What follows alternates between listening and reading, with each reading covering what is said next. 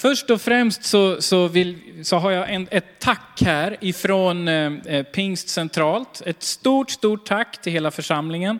Det står, de, jag fick ett mejl här igår. Kära Hedvigslundskyrkan, vi är så glada för ert suveräna värdskap och den glädje och värme som era volontärer tillför årets rådslag. Allt har gått så bra, vi har kunnat få samla rörelsen till ett fysiskt rådslag för första gången efter pandemin och det blev hos er, vilket vi är så glada för. Stort tack att vi fick komma till Gävle. Det har varit en glädje att få vara i era fina lokaler och jag hoppas och tror att er församling ska känna av en god frukt av ert fina värdskap. Gud välsigne er. Och det här kom från Daniel. Så en stor applåd till er som har hållit på.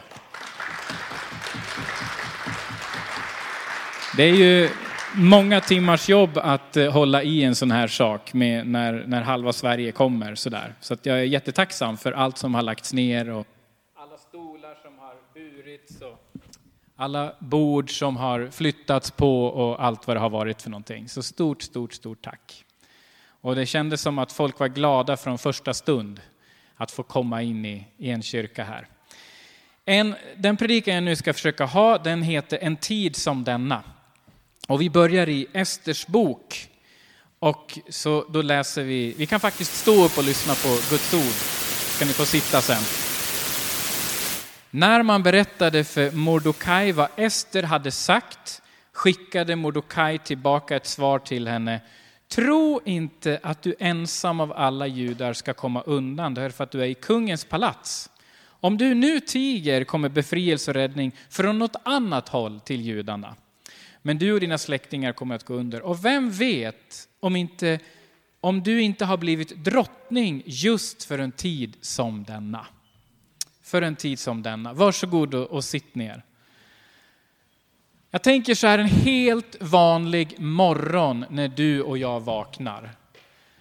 Vad är det för någonting som går genom huvudet? Det kan finnas ganska många olika saker och en helt vanlig dag. Det kan vara är byxorna som ligger där för smutsiga? Vilket intryck gör det om jag väljer hoodie, t-shirt eller skjorta idag? Dit jag ska vara. Ska jag cykla eller ta bilen till jobbet? Ska jag ta med lunchlåda eller kosta på mig lunch någonstans? Ska jag ringa mina föräldrar idag? Vilka privata samtal ska jag ringa på rasten? Ska jag lägga, laga middag till alla i familjen eller bara till mig själv? Borde jag städa idag eller imorgon? Hinner jag få ut nyhetsbrevet idag eller ikväll? Borde jag höra av mig till min moster ikväll? Det finns ingen ände på funderingar, nästan, för en helt vanlig måndag eller vad det nu är för dag som du vaknar och huvudet börjar gå igång. Man brukar säga att det är omkring 70 minst beslut. Det finns olika. Jag såg någon som sa över 1000 beslut per dag. Så jag vet inte, jag har inte själv räknat mina beslut under en vanlig dag. Men det är många, många olika beslut som du måste fatta en helt vanlig dag. Och det där kanske inte är så svårt med vad du ska ha för brallor på dig den där tisdagen. Det kanske inte är det svåraste valet du gör i livet. Men det är ett val till. Och det är klart att ibland då så handlar det om helt andra val än vad du ska ha för kläder. Vad är nästa del i livet? Vad är nästa steg i ditt eller mitt liv? Ska, ska, ska, jag, gå, ska jag jobba efter studenten eller ska jag plugga vidare? Ska jag åka till Surf the Nations eller gå bibelskola? Ska jag bli läkare, rörmokare eller maskrosexpert? Eller något helt annat? Och jag har fascinerats sista veckan av ett bibelställe i Markus första kapitlet när Jesus verkar vara ute och gå. Ja, det står ju så faktiskt. Det står så från, från första kapitlet, vers 16. En dag när Jesus vandrade längs Galileiska sjön fick han se Simon och hans bror Andreas stå och kasta ut nät i sjön, för de var fiskare. Jesus sa till dem, kom och följ mig, så ska jag göra er till människofiskare. De lämnade genast sina nät och följde honom. När han gick lite längre bort fick han se Sebedaios söner, Jakob och Johannes, sitta i en båt och göra i ordning sina nät. Han kallade genast på dem också. Och de lämnade då sin far Sebedaios och hans arbetare för att följa Jesus. Här kommer en man gående och så är det ett antal personer, i just den här texten fyra personer, som plötsligt byter inriktning på livet och börjar följa den mannen. Ett ganska stort beslut. Man vet inte hur gamla de här männen var, lärjungarna. Men man kan ana utifrån ett antal bibelställen att de var tonåringar. Att de var unga. Eh, man kan se att när, när Petrus, när, när det är dags att betala skatt vid templet, så är det bara Petrus och Jesus som lämnar skatt, inte de andra. Och det behövde man inte göra när man var tonåring, precis som nu. Ja, vid 18 måste man kanske, men i alla fall. Och man kan se på några andra ställen. Vi vet att Johannes, när han får uppenbarelsen och lämnar ifrån sig uppenbarelseboken, så är han en gammal man och man vet lite grann om hur gammal han var, så man kan liksom utifrån honom också se att troligen var de allihop tonåringar. Och Jesus var omkring 30 år. Så en, en man som är ungefär 10-12 år äldre går förbi och säger följ mig. Vi, vi vet att de som var unga på den här tiden, de kände till gamla testamentet. De, de lärde sig otroligt mycket bibel utan till. Och utifrån det så vet vi att de var väldigt medvetna om, om ett antal saker. De hade också hört talas om Johannes döparen som hade liksom börjat ropa på folk, vänd om, himmelriket är nära. Ehm, och, och de hade hört om det här. Och de hade liksom en längtan efter att deras eh, situation i landet skulle kunna bli bättre. För de, de, var väldigt medvetna om att det var ockupation. Ungefär som Ryssland är i Ukraina just nu. Så var romarriket i Israel. Och de här unga tonåringarna är jag helt övertygad om inte tyckte det var helt okej. Okay. Utan de var helt säkert liksom, vad ska vi göra? Här sitter vi och fiskar. Här hjälper vi våra föräldrar med fiskeindustrin som de är i. Men vi skulle vilja göra någonting som betyder någonting. Det som är fascinerande för mig när jag ser att de följer Jesus, det är att de inte har en aning egentligen vad det är de följer. För jag tänker mig att kanske har de börjat höra talas om Jesus i den situation han var. Han hade redan predikat, det hade hänt lite märkliga saker runt Jesus. Han var en av dem som kunde kallas för rabbi, en av dem som kunde vara en som hade någonting att komma med. Och kanske tänkte de så här, om vi följer honom så kanske vi får vara med och kasta ut romarna. Om vi följer den där mannen och det blir en rörelse runt honom så kanske vi kan med och bryta ockupationsmakten på något sätt. Om inte annat så får vi lämna våra båtar och gå till byn bortanför den och den byn. Vi får vara med om ett stort äventyr. Vad jag är ute efter är att jag tror inte att de förstod att Jesus skulle komma med kärlekens budskap till alla jordens folk och att det var det de skrev under på att följa med. Utan jag är helt, inte helt säker kan jag inte vara, för jag kan inte läsa vad de tänkte. Men jag är rätt så övertygad om att de inte bara hade liksom ädla motiv till att följa med Jesus, utan jag tänker att det var äventyr, spänning, kanske att få kasta ut en och annan romare. I'm in. Och så en blick på pappa Sebedaios och han säger, ja det är okej, okay, du får gå. Säkert kan hända att de också hade hört talas om Jesus, garanterat egentligen. Kanske var det här liksom, ja men om ni är med och gör en befrielse för vårt land, då får du gå. Då kan du lämna båten, då kan du lämna näten. Gör en insats för ditt land. Så jag tänker så här att av olika anledningar så kan vi börja säga ja till Jesus. Och det är inte säkert att din orsak till att börja följa Jesus var särskilt ädel. Du kanske inte hade läst så mycket i Bibeln, du bara hörde det där verkar bra. Det där verkar gott, jag vill också, jag vill också äventyr. Men det fantastiska är att när de här började följa Jesus, då följde de Jesus i tät gemenskap. Och umgänget med Jesus Forma deras liv för all framtid. Och det är samma sak idag. När du börjar följa Jesus, då skickar han inte iväg dig på något obestämt uppdrag, på någonting du ska göra långt bort och så får du gå så gott det går, utan han säger följ mig. Och så går du och Jesus tillsammans. Och i umgänget med Jesus så färgas och formas ditt och mitt liv till att bli mer lik honom och mer sån som Gud vill att vi ska få vara. Ha en attityd av kärlek till andra, ha en attityd av överseende och förlåtelse. Ha en attityd som luktar försoning in bland dina grannar och dina vänner. Jag är inte helt säker på att det var det de tänkte på lärjungarna. Försoning.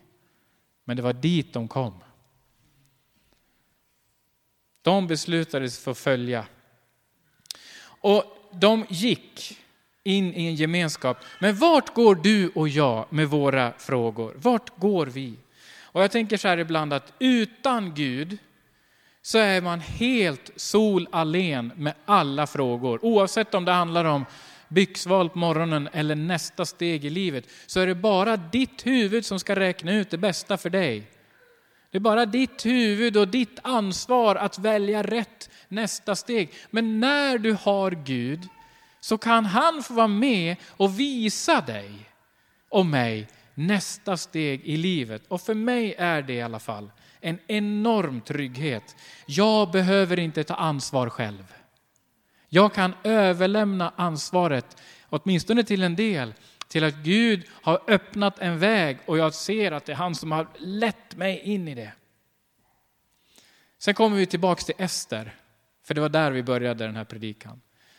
Ester, hon blev vald till ny drottning till Xerxes den store. Och det här är ingen påhittad figur, du kan läsa om honom i historieböckerna. Han fanns och hade ett ganska stort rike som sträckte sig från någonstans vid Indien och hela vägen genom Mellanöstern och bort till ungefär Sudan. I Bibeln står det 127 provinser.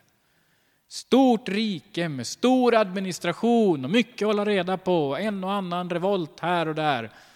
Och jag kan tänka mig att det var ganska svårt att hålla ihop det här med olika språk och allt vad det var. Och i den här superpatriarkala tiden så gjorde en sån här kejsare precis som den hade lust. Den första frun, eller om det var den andra eller den tredje, ingen aning, men det var i alla fall drottning Vasti, hade inte velat komma och visa upp sig när kungen hade ett supkalas och ville visa upp sin tjusiga fru. Hon sa nej, jag vill inte. Och då var det väck med henne och så blev det ut bland de här undersåtarna att leta på en ny hustru åt den här kejsaren och, och mäktige mannen. Och så kom valet på Ester. Och Ester kvalificerade sig, kanske inte i första hand som det står uttryckt för att hon var intelligent och för att hon var en, en som kom med råd, utan för att hon var väldigt snygg. Det är så det beskrivs. Ester hon håller tyst om sin folkidentitet. För hon är av det israeliska folket med Gud till Gud. Hon är tyst om det här och säger inte så mycket om det. Det står också att hon har ingen mamma och pappa så hon verkar ha liksom en, en ensamhet på något sätt. Men det finns en kusin som har lite extra hand om henne som heter Mordokaj. Och han hjälper Ester på olika sätt under den här tiden när hon ska få bli hustru åt Xerxes den store. Och så kommer det stora hotet. En annan person i hovet, han heter Haman, han, han blir stött och, och kränkt och trampad på alla känsliga tår därför att någon inte bugar sig, självaste Mordokaj inte, inte bugar sig för honom och han önskar livet ur Mordokaj och alla andra israeler. I alla 127 provinserna. Och han lyckas gå in till Xerxes den store och övertyga om att de här folket är inget bra för dig, så vi kan väl ta bort dem. Och då säger Xerxes, gör som du finner bäst. Och så blir det beslutat. Och så hade man en lottkastning, för man var väldigt noga med olika saker. Och i de här religionen man hade så kunde man kasta lott för att få den mest lyckosamma tiden för en viss sak. Och så visade det sig att det skulle vara ungefär om ett år, då skulle alla judar utrotas. Och under den här tiden så börjar man liksom be, man börjar be. Och det vet vi att när vi hamnar under hot, då ber vi till Gud. Då börjar vi ropa till Gud mer än förut. Och jag vet att en ifrån pingst nu har alldeles nyss varit ner och träffat ett antal ukrainska pastorer. Och vilka bönemöten det blir när man är i den här situationen. Vart ska man gå? Vad finns det att hoppas på? Har, man har ingen aning om man dagen efter får någonting i huvudet av Putin som gör att livet är borta. Men man ber till Gud. Det här hotet kom och det var reellt. Mordokaj vänder sig till Ester som nu är inne i kungapalatset och säger du måste göra någonting. Du måste gå till kungen och prata med honom. Men Ester, hon, hon, är, hon har inte blivit kallad på. I fyra, Ester 4 och 11 står det, alla kungens tjänare och folket i kungens provinser vet att för vem som helst, man eller kvinna, som kommer inför kungen på den inre gården utan att vara kallad, finns det en lag som säger att han ska dödas om inte kungen lyfter sin gyllene spira och låter den personen leva. Jag har inte blivit kallad att komma till kungen de senaste 30 dagarna.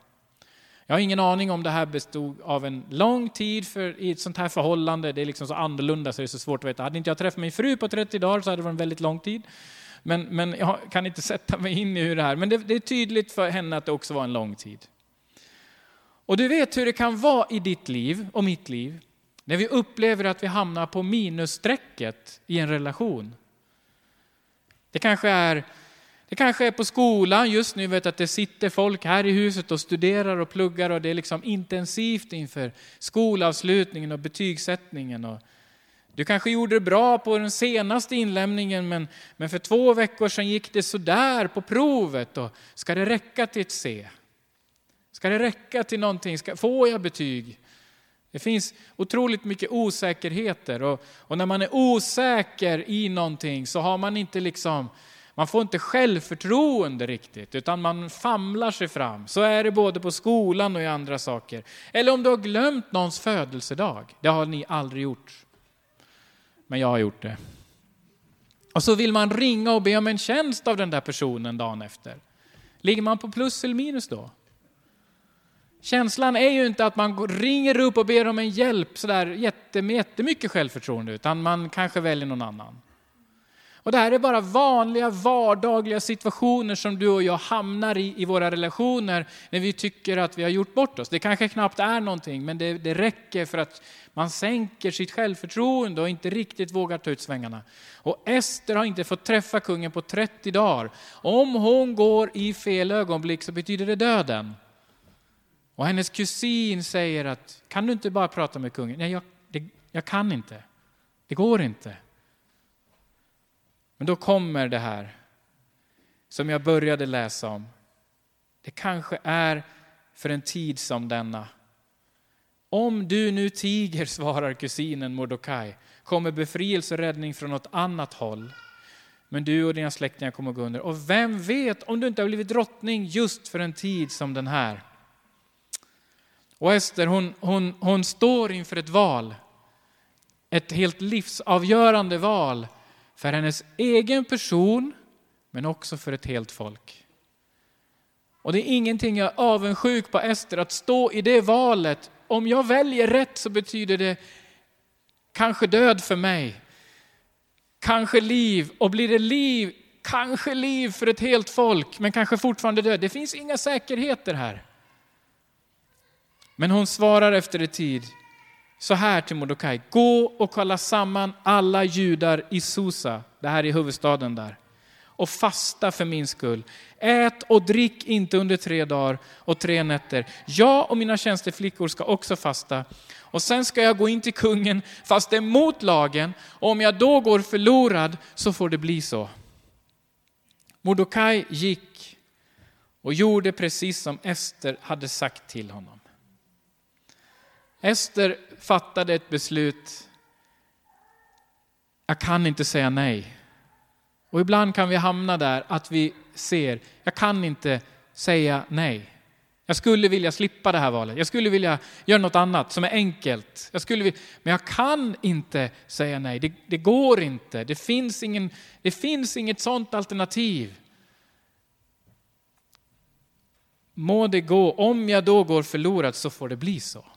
Då får det bli så. Plötsligt blev det egna hälsan och livet i en sån här utsatt situation inte lika viktig som det som man känner att Gud kallar en till. Och i det här så kom räddningen. Folket blev skonat. Genom en gudomlig plan så blev den här Hamans orättfärdiga planer avslöjade och det israeliska folket räddades en gång till. Om du är intresserad av att höra om det israeliska folket genom historien så finns det en podd som heter det, eh, folket som överlevde av Simon Holst. Vi ska ju få besök av Simon Holst i höst på församlingslägret och det är mycket intressant hur det folket överlevt allt du kan tänka dig. Allt och lite till. Och det är Guds första utvalda folk, så det är inte konstigt att det finns idag. Men det är ändå så fascinerande. Men vet du att Gud har också kallat dig, min vän. Han har kallat mig. Han har utrustat dig med vissa saker. Och han vill idag uppmana dig att gå in i det som behöver göras. Men du står inte ensam. Ester var ensam men inte ensam. hon hade Mordokaj som en, en, en kusin, någon som fanns där. Och i den här kyrkan så säger vi, vi startar inget ensamt. Vi måste stå tillsammans i det vi gör. I det, Gud upp, det du upplever att Gud kallar dig in i, det vill vi stå tillsammans med dig i. Vi vill be tillsammans, vi vill beskydda varandra. Vi vill, bönerna vet du, de gör stor verkan. Och att få lasta av sig det du står i med, tillsammans med någon annan, det är en sån hjälp. Och att göra allting själv, det är en, faktiskt en västerländsk lögn. Det finns inga sådana hjältar som du hittar i Hollywoodfilmerna som liksom räddar världsfreden själv. Kom just på att tänka på någon, någon film med någon president som skulle flyga en raket och på stoppa en meteorit. Det, liksom, det funkar inte så. Trodde du det så funkar det inte så. Inte i Guds rike. Vi, kan inte, vi, vi är inga sådana superhjältar med sådana superkrafter. Du kan gå med Gud i en väldig kraft. Men du måste stå tillsammans. Det måste finnas några runt dig. Det måste finnas någon som, som skonar dig på något sätt. Och vet du, du är inte på din skola eller din arbetsplats eller där du är just nu av en slump. Din vardagsmiljö är inte olyckliga omständigheter, utan Gud har en tanke med din närvaro exakt där du är. Precis där du är. Precis som Ester hamnade, bara för att hon såg ut på ett visst sätt, i ett slott, så fanns det en tanke med det. Och din plats där du har din kudde, där du vaknar upp, din vardagsmiljö. Det är ingen slump att du är där min vän. Ibland kan man känna att man är på en plats och man har en längtan efter att få dela med sig av det här innersta och det händer aldrig. Men vet du, det räckte med att Ester gjorde en sak så räddade ett helt folk. Hon riskerade, tog en stor risk visserligen, en gång och så räddade ett helt folk. Det är det som är så spännande med Gud. Där du är i din vardag, vilken dag det blir, det vet inte jag. Men Gud har en tanke med den plats du är. Du är inte där av en slump, utan där du är kan Gud få använda dig. Han har en kallelse och en utrustning för den plats där du är. Du kanske inte tycker att du uppskattas för den du är. Men jag kan tänka mig att det var likadant för Ester. Jag är bara här för jag ser ut på ett visst sätt. De ser inte min intelligens. Så kan du också känna. Så nu vill jag bara ställa några frågor. Var är din utmaning min vän? För en tid som denna. Var är, vad är ditt risktagande för en tid som denna? Vem går du med dina val? Eller behåller du dem själv? Nu, här och nu, så är vi i den högstes närhet.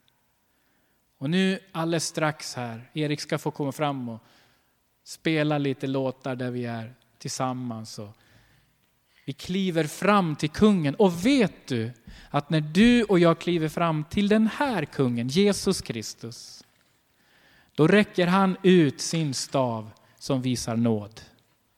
Det kan jag lova. Det krävs att du tar en risk i att närma dig Jesus Kristus. Därför att det kanske är något som är okänt och något som är oprövat för dig. Eller så har du gjort det förut.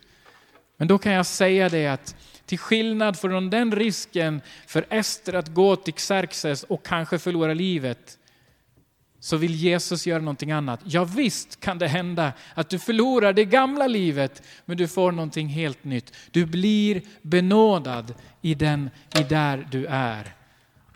och du får en kontakt med konungars konung och herrarnas herre. Du har kommit. Du har möjlighet att komma till den högste kungen. Högst av allt. Just idag så är korset lite avklätt, lite enklare. Ibland har vi ljusslinga runt det. Just nu är det liksom mer naket. Men det är så med dig och mig också. Ibland måste vi få vara bildligt talat nakna inför honom. Och han vill ta emot dig och mig precis där vi är.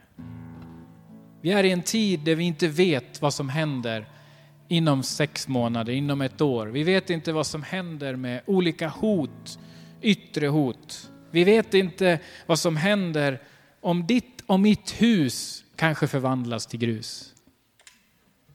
Men en sak vet vi. Att Jesus Kristus vill benåda dig och mig genom att räcka ut sin nådastav och visa dig, du är välkommen. Du är välkommen till Jesus idag. Ska vi blunda en liten stund allihopa och inte titta på varann men bara vara inför Gud en liten stund. Och jag ger den här möjligheten nu därför att jag vet att den har betydelse för människor hela vägen in i evigheten. Vi har respekt för varandra, vi tittar inte på varandra för jag kommer att fråga en sak och du kan ge respons om du vill. Skulle du vilja ta emot Jesus idag? Öppna dig för att Jesus ska få komma in i ditt liv. Allt kommer inte att vara klart, det finns mycket att lära sig, men, men Jesus är konkret och vill så gärna få bli insläppt. Det är bara du som kan släppa in honom i ditt liv. Det är du som är herre över ditt liv, men du kan lämna över det här nu och låta Jesus få komma in i ditt liv.